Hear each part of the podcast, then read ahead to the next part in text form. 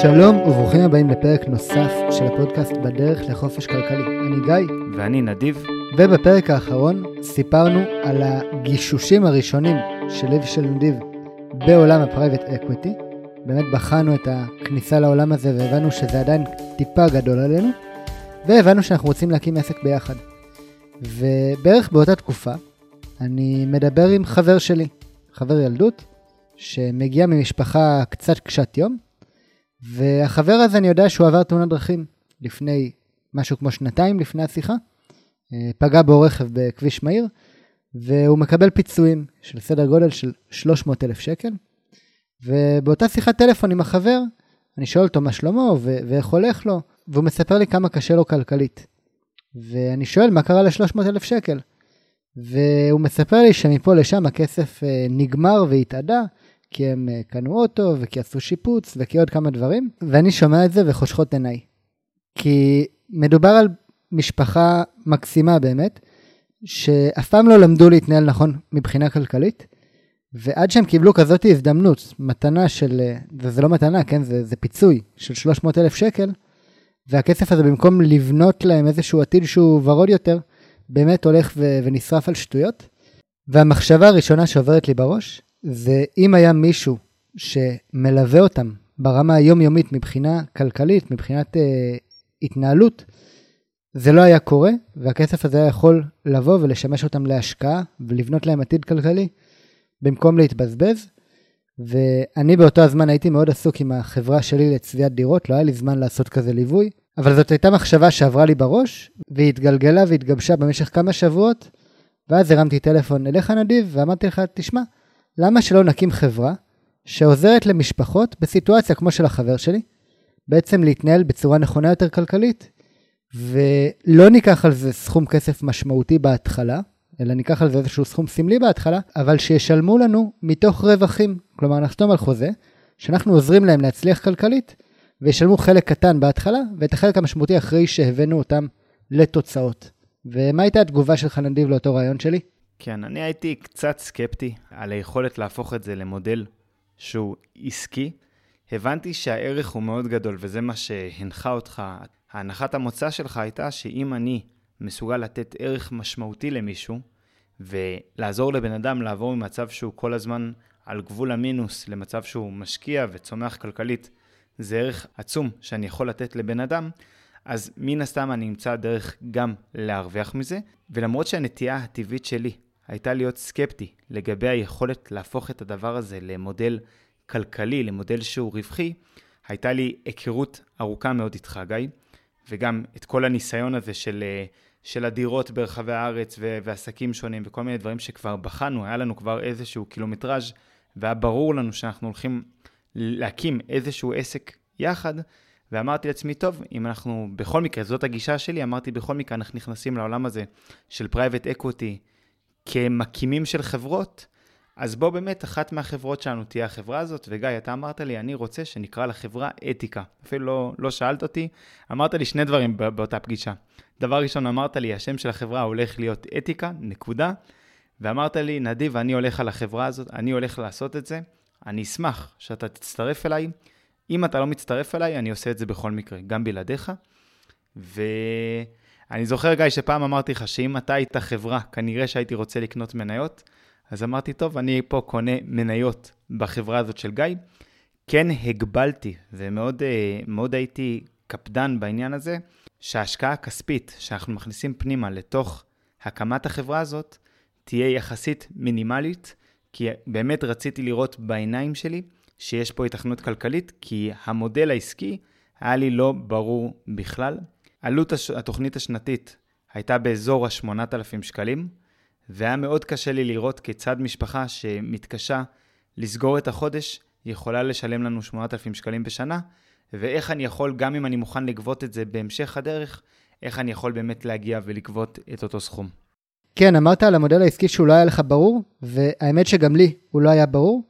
אני מבחינתי הקמתי אמנם חברה, לא עמותה, אבל המטרה של החברה הייתה באמת לעזור למשפחות לצאת מקו העוני הזה, ואני האמנתי שאני אמצא בהמשך הדרך איך להפוך את הסיפור הזה לרווחי, והגדרנו תקציב התחלתי של 100,000 שקל לתוך העסק הזה, מתוך הבנה שאנחנו משקיעים את הכסף בהדרגה, בשלבים, לפי התקדמות, ומתחילים מאיזשהו פיילוט לבדוק את הרעיון, לראות האם משפחות מוכנות לשלם איזשהו סכום, והאם יש נכונות באמת לקבל ליווי כלכלי למשפחות קשות יום. עכשיו, אני בטוח, גיא, שהרבה מהאנשים שמאזינים לנו שואלים את עצמם, הרי יש המון עמותות, כמו לדוגמה פעמונים, שזה בדיוק מה שהעמותות האלה עושות. הן בדיוק נותנות את השירות הזה של הליווי האישי לאנשים שהם אה, במצב כלכלי מורכב.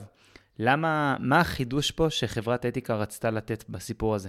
היכולת בסוף של העמותות להגיע ולתת מענה למשפחות האלה היא מוגבלת. הן נסמכות על תרומות, הן נסמכות על מתנדבים, ואין להן באמת את היכולת עכשיו להגיע ל... לאלפי משפחות שונות, בטח לא לשווק ו- ולפעול בצורה אקטיבית לסיפור הזה. הן נותנות מענה למי שפונה אליהן, אבל לא לכל המשפחות יש את המודעות. מה שחברה שפועלת כן למטרות רווח ויש לה תקציב שיווק, יכולה להגיע ליותר אנשים. מעבר לזה, התהליכים בעמותות הם בדרך כלל תהליכים שהם יחסית קצרים, חודש, חודשיים, שלושה חודשים, ואנחנו מבינים שכדי לעזור למשפחות באמת להצליח כלכלית, לא, לא שאני מומחה לזה, אבל כן רציתי להקים חברה שתיתן את הפתרון הזה ואת המענה הזה, נדרש תהליך שהוא יותר ארוך, שהוא יותר יסודי, ושהוא כולל לא רק עזרה בניהול התזרים, אלא גם אלמנטים אחרים שהם אה, קשורים לפיתוח קריירה, להתפתחות אישית, וגם לנושא של השקעות. כי רק מחיסכון ורק מתזרים קשה לבנות איתנות כלכלית, וזה באמת היה החזון, לבוא ולהשקיע במשפחות הרבה מאוד זמן, הרבה מאוד כסף. לא תכננו לעשות את הליווי הפיננסי הזה בעצמנו, לא אני ולא אתה. זה לא התחום התמחות שלנו, זה לא התחום מומחיות שלנו. אנחנו אנשי עסקים, אנחנו רואים את עצמנו כאנשי עסקים, ואמרנו שנזכור שירותים של מלווים פיננסיים שיעזרו לאותן משפחות, ו- וככה החברה תוכל לצמוח ולגדול ולתת שירות ליותר ויותר אנשים. כן, אז זה באמת היה החזון הגדול, להקים חברה שהיא, שהיא, אני לא אגיד שהיא ללא מטרות רווח, כי כן, יש לה מטרה להרוויח, אבל המטרה הראשית שלה היא לעזור לאנשים. כשאתה פנית אליי ואמרת לי, נדיב, בוא נקים חברה שעוזרת לאנשים קשי יום, לא אמרת לי את זה כי יש פה מיליוני שקלים על הרצפה שאנחנו יכולים לאסוף ולהרוויח, אלא כי יש פה ערך מאוד גדול לעזור לאנשים, ועל הדרך, בזכות זה שאנחנו עוזרים לאנשים, אנחנו גם הולכים להרוויח לא רע בעצמנו. ואני חושב שיש פה איזושהי אמירה חברתית, אה, ערכית, שהיא מאוד חשובה, שעם כל הכבוד לעמותות שעושות דברים נהדרים, ואני בעצמי תורם להרבה מהעמותות האלה שעוזרות לאנשים שמתקשים, בסופו של דבר, אם אתה תופס שמה שאתה עושה הוא דבר שהוא משמעותי לאנשים, ראוי שאנשים שקיבלו ממך ערך גם יהיו מוכנים לשלם עבור הערך הזה, ואפילו יותר מזה אני אגיד, בשבילם, בשביל התפיסה העצמית שלהם, בשביל היכולת שלהם להתקדם ולקחת את התהליכים האלה ברצינות, זה שהם משלמים על התהליך, זה משהו שהוא טוב להם ומקדם אותם. יש לי ברמה, ברמה אישית, אני מכיר המון אנשים שהלכו ללמוד הוראה, או עבודה סוציאלית, או לימודי אחיות, ובסופו של דבר הם מקדישים את כל הזמן והאנרגיה שלהם בנתינה לאחרים, והם בעצמם נזקקים לסיוע אחר כך ממוסדות הרווחה, כי הם לא מצליחים במבנה העסקי של איך הדבר הזה עובד, בעמותות שהם מפעילים או בעבודות הציבוריות שהם עובדים בהן, הם לא מצליחים להחזיק את עצמם. ובינינו נראה שאם אנחנו מסוגלים לתת ערך לציבור, ערך לחלק מהציבור, אנחנו חייבים למצוא דרך גם להרוויח מזה. אתה רוצה להוסיף משהו על הנקודה הזאת? אני חושב שאמרת את זה בצורה מצוינת. אנשים לא רוצים להרגיש שהם רק נסמכים על טובות של אחרים. וזה לא מקום טוב וזה לא מקום בריא להיות בו. אנשים רוצים להרגיש שהם מצליחים בכוחות עצמם, והם רוצים לקבל את הכלים להצליח, שהרבה עמותות בדיעבד קצת גורמות לאנשים להרגיש שהם נזקקים. גורמות לאנשים להרגיש שהם לא מסוגלים, שהם חייבים עזרה, וזה מגיע לרמה שאנשים מרגישים למה שאני אשלם בעבור עזרה, זה משהו שאמור להיות בחינם, זה משהו שאמור להגיע מעמותה, ואני חושב שבעבור אותם אנשים זה מקום שהוא מאוד לא בריא להיות בו. זה בדיוק ההבדל בין לתת דגים לבין לתת את החכה, ואנחנו שנינו הרבה יותר מאמינים בחכות מאשר בלתת דגים, וזה שבן אדם משלם או ישלם 8,000 שקל או כמה שזה לא יהיה בעבור תוכנית ששווה לו עשרות אלפי ומאות אלפי שקלים לאורך השנים, זה דבר שהוא טוב ומצוין, והבן אדם מרגיש שהוא עושה את הדברים בכוחות עצמו, והוא, והוא נותן ערך בחזרה. כן, אני חושב שלהרבה אנשים, גיא, מה שאתה אומר, נשמע להם לא אינטואיטיבי. זה נשמע להם הרבה אנשים, אפילו אנשים אמרו לי את זה, שזה נשמע להם כמעט חזירי, משתמשים בביטוי הזה, אני לא יודע מה החזיר עשה שהוא קיבל את, ה, את, ה, את הרזומה הזה, אבל שזה נראה להם כמעט חזירי, שאתה עכשיו הולך למשפחה, שבכל מקרה קשת יום, ואתה מציע להם את העזרה שלך, אתה יודע שהם חייבים את העזרה שלך, אתה יודע שהעזרה שלך תשנה להם את החיים, ואתה עוד מבקש על זה כסף. על זה שאתה עוזר להם, ואתה לא עוזר להם. לשם המצווה בלבד.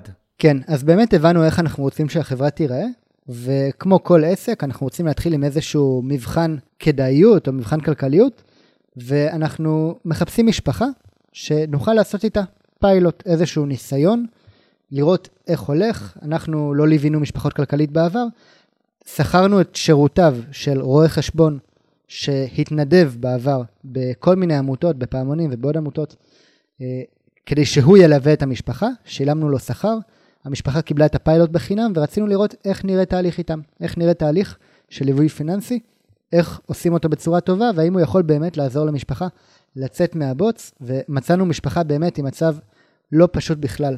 כן, באמת מה, ש... מה שעשינו זה אני רשמתי פוסט בפייסבוק האישי שלי, וסיפרתי על הקמת החברה וזה שאנחנו מחפשים משפחה שמתקשה כלכלית. לא חיפשנו משפחה עם חובות עצומים, אבל כן משפחה שהסיוע שלנו יכול להיות לה משמעותי. בסופו של דבר הפיילוט הזה כולו היה מכיסנו, ידענו שאנחנו נותנים את זה במתנה פה למשפחה הראשונה. זה המון כסף, אמרנו אם כבר אנחנו נותנים את זה אז בואו ניתן את זה למישהו שבאמת צריך. ואיזשהו חבר שלי הגיב לי, אמר לי, תשמע, ההורים הם במצב לא טוב, ונפגשנו עם ההורים, והבנו שהם באמת אנשים שיכולים להתאים מאוד, ושאנחנו מאוד יכולים לתת להם ערך. מדובר בזוג שהם לקראת גיל פרישה. האישה עובדת בשלושה מקומות עבודה שונים, ומשתכרת בכ-6,000 שקלים בחודש נטו. הבעל עובד במפעל, עובד בכמעט 150 אחוז משרה במפעל שהעבודה בו היא מאוד פיזית, הבעל הוא ממש כבר אה, לקראת גיל ה-70, ומלבד הדירה הקטנה שיש להם בפריפריה, איפה שהם גרים, אין להם בכלל חסכונות. יש להם פנסיה מצחיקה, פנסיה מזערית, ובשיחת היכרות הם מספרים לנו שקשה להם לישון בלילה. ברמה כזאת ש... שהמצב הכלכלי שלהם מאמלל אותם, ושהם חוששים והבנו שאלה בדיוק האנשים שאנחנו רוצים לעזור להם, ובאמת לקחנו את אותו רואה חשבון שהזכרת מקודם, והתחלנו איתם תהליך עומק של שלושה חודשים של מעבר על התקציב, של צמצום ההלוואות שלהם, איחוד ההלוואות להלוואה אחת בריביות הרבה הרבה יותר אטרקטיביות. ובסופו של דבר, גיא, גילינו שמה שעשינו זה טוב ויפה, וזה שינה להם את החיים, הם התחילו לישון בשקט, אבל אתה ואני הבנו שזה לא מספיק. כן, באמת עשינו איתם תהליך מאוד משמעותי. והם היו רתומים לו לחלוטין, הם באו ממש לשנות הרגלי חיים של הרבה עשרות של שנים. רק, ב, רק בהלוואות, תבינו, משפחות קשות יום, הן משלמות ריביות מטורפות, והם בכלל, בהרבה מקרים לא שואלים כמה ריבית אני משלם. רק על מחזור ההלוואות, שהורדנו את הריבית הממוצעת מ-9% לקצת יותר מ-2%, חסכנו להם הרבה עשרות אלפי שקלים, שהם קיבלו בחינם במסגרת הפיילוט. אבל מה שראינו לאורך התהליך זה שנכון שאנחנו מצליחים לצמצם את הוצאות המחיה מבלי לפגוע ברמת החיים יותר מדי, כלומר על ידי מציאת תחליפים.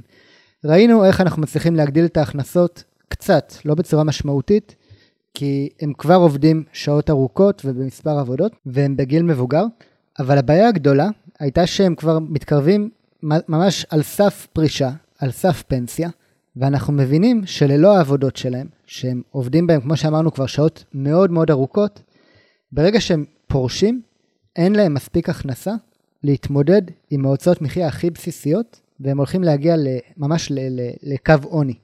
נכון, באמת אנחנו עושים תחזית קדימה של 15-20 שנה, רואים מתי הבעל יוצא לפנסיה, מתי האישה יוצאת לפנסיה, מה יהיו הקצבאות להן הם הולכים להיות זכאים ואנחנו רואים שחור בעיניים, אנחנו מבינים שעוד כמה שנים למשפחה הזאת אין, אין מאיפה לקנות אוכל בסופר, ממש ברמה הזאת, והם יצטרכו להמשיך לעבוד הרבה מאוד שנים, ולמשפחה הזאת אין נכסים פיננסיים בכלל, הפנסיה שלהן היא יחסית קטנה, יחסית קטנה אפילו מאוד, והנכס הפיננסי היחיד שיש ברשותם זו הדירה שהם גרים בה, באותה תקופה הם כבר גרים כמעט ארבע שנים בבניין שעובר תמ"א 38, שמי שמכיר לגור בבניין של תמ"א 38 זה דבר לא פשוט בכלל, בטח למשפחה של אנשים מבוגרים לקראת פנסיה, ואנחנו מגיעים למסקנה הלא נעימה, אבל כנראה המתבקשת, שהפתרון הפיננסי הנכון ביותר עבורם, הוא כנראה למכור את הדירה שיש בבעלותם, למכור אותה היום ולא לחכות עד שאין ברירה, ולהשתמש בכסף כדי שאולי הילדים יקנו בעצמם איזה דירה אחרת או איזושהי השקעה אחרת, וככה ההורים יוכלו לחיות מהתזרים הזה. ואנחנו בעצם בנינו איזושהי תוכנית שמאפשרת להם, לא באושר גדול, לא בפזרנות גדולה, אבל מאפשרת להם לחיות את כל החיים באותה רמת חיים, בלי, בלי לרדת ברמת החיים בכלל, לחיות עוד 30-40 שנה, ו, ובעצם לפרוש בכבוד. ואני זוכר שהגענו לבית שלהם יחד עם אותו מלווה פיננסי, והצגנו להם את הפתרון. זה היה כבר אחרי יותר משלושה חודשים של ליווי, וזה היה להם מאוד מאוד קשה לקבל. זה היה, זה היה רגע מאוד קשה, כי הם הרגישו שהם כבר על הסוס, שהם כבר במצב מצוין, תזרימית, הם כבר היו בצורה חיובית ברמה החודשית. הם ראו כיצד הם סוגרים את ההלוואה שלהם עוד כמה שנים בודדות, בריביות הרבה יותר נוחות, הרבה יותר אטרקטיביות. ובעצם היינו צריכים קצת לבשר להם את הבשורה המרה שכן, כל מה שעשיתם זה טוב ויפה, זה אחלה, זה מעולה, אבל אתם עושים את זה מאוחר מדי. ובגלל שאתם עושים את זה כל כך מאוחר בחיים הפיננסיים שלכם, יהיה פה מחיר. יהיה פה מחיר, והמחיר הזה הולך להיות כנראה בדירה שלכם בשלב זה או אחר. וכמו שאמרתי להם, זה היה מאוד מאוד קשה לקבל. ובשלב הזה בעצם הפיילוט הסתיים, והיה ברור שיש הרבה מה לעשות. וההנחה שלך ושל ליגה הייתה שברגע שמשפחה תעבור את הפיילוט ותראה שהיא מקבלת ערך שהוא מאוד משמעותי, היא תסכים לשלם על השירות שלנו. והצענו להם את זה במחיר שהוא מאוד מאוד מצחיק. הצענו להם את זה במחיר של הנחה על גבי הנחה. רצינו רק לראות שבכלל מישהו מוכן להוציא על זה כסף, ו... ומה שגילינו זה שגם אחרי שהם ראו בעיניים איך החיים שלהם השתנו, גם אחרי שהם חוו בכיס איך פתאום התזרים שלהם הוא הרבה יותר פשוט, איך הם ישנים יותר טוב בלילה, עדיין הם לא היו מסוגלים להביא את עצמם לשלם כמה אלפי שקלים להמשך של תוכנית הליווי, ושם התוכנית הזאת הסתיימה, ו- ואתה ואני היינו צריכים באמת לשבת אחרי הסיפור הזה, שהיה לנו לא פשוט, ולשאול את עצמנו איך אנחנו ממשיכים הלאה. כי אם הפיילוט, שמבחינה פיננסית הפיילוט היה הצלחה אדירה, מהבחינה שהלקוחות התקדמו כלכלית ו- וזה היה מוכח ומאוד פשוט לראות, והם היו מרוצים מעל הגג, ועדיין הם לא היו מוכנים לשלם את העלות של התוכנית, ואני חושב ששם התחלנו להבין ש... שאנחנו, לפחות בשלב הזה, לא מצליחים למצוא לזה מודל כלכלי שהוא לא מודל של עמותה. הוא לא מודל שאנחנו פילנטרופים שמשלמים על ליווי פיננסי לאנשים, אלא מודל שאנשים משלמים לעצמם. ו, ובאמת לא הגענו לסיפור הזה בשביל להיות עמותה. אתה רוצה להוסיף על, על הנקודה הזאת משהו? כן, בעקבות אותה תובנה באמת, ושהבעיה המרכזית היא הייתה הגיל שלהם, פתאום התחדד לנו כמה חשוב להתחיל בגיל צעיר. ואתה באת עם רעיון ואמרת, גיא, למה אנחנו מתרכזים בחבר'ה מבוגרים, שגם ככה אין להם הרבה שנים לשנות, שגם ככה ההרגלים שלהם הם חקוקים מאוד מאוד חזק. בואו נתמקד דווקא בחבר'ה הרבה יותר צעירים. זה קהל שגם ככה אף אחד כמעט לא פונה אליהם בתחום הפיננסי כי אין להם הרבה כסף. בואו נעזור להם מלכתחילה לפתח את ההרגלים הנכונים להצלחה כלכלית, ו- ונקרא לזה אתיקה לצעירים. נשנה טיפה את השם ו- ונכוון לשם. כן, אז זה באמת uh, סוג של פיבט, איזשהו שינוי כיוון שעשינו בחברה, ואני חושב שזה נושא מעניין שנוכל לדבר עליו בפרק הבא. תודה שהאזנתם לפרק נוסף של הפודקאסט בדרך לחופש כלכלי. אתם מוזמנים לעקוב אחרינו בדף הפייסבוק, לשאול שאלות, להעיר הערות. אין לראות בנאמר בפודקאסט משום ייעוץ פיננסי. אנחנו בסך הכל משתפים אתכם במסע שלנו בדרך לחופש כלכלי. בהצלחה.